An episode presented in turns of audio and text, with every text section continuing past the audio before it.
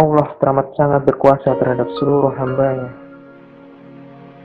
Mempunyai selera indah akan hidup tiap hamba. Allah memberikan hidayah kepada siapa pun yang ia suka. Bisa jadi Allah angkat seorang berdosa menjadi ahli ibadah berjaminkan surga. Bisa jadi Allah membuat seorang ahli ibadah menjadi hina dan berkehidupan akhir di neraka. Tak ada yang tak mungkin bagi Allah. Ketika kesombongan meracuni hati, ibadah pun akan terkotori. Terlihat taat, namun tak ada sholat yang diterima.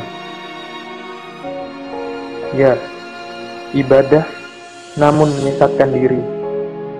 Semakin hari, semakin taat, tapi Allah semakin memberi sesat.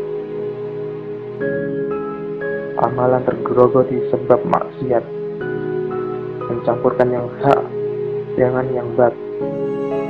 Mengerti agama, menegakkan sholat, rajin tilawah, tapi tak ada keikhlasan di dalamnya.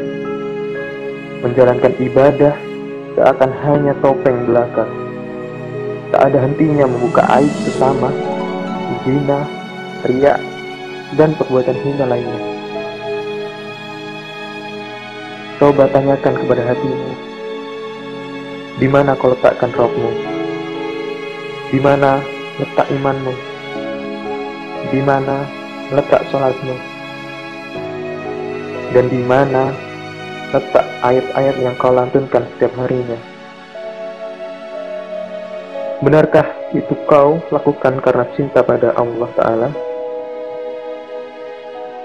Mari introspeksi diri. Mari perbaiki. Perbaiki niat hanya untuk Allah Rabbi.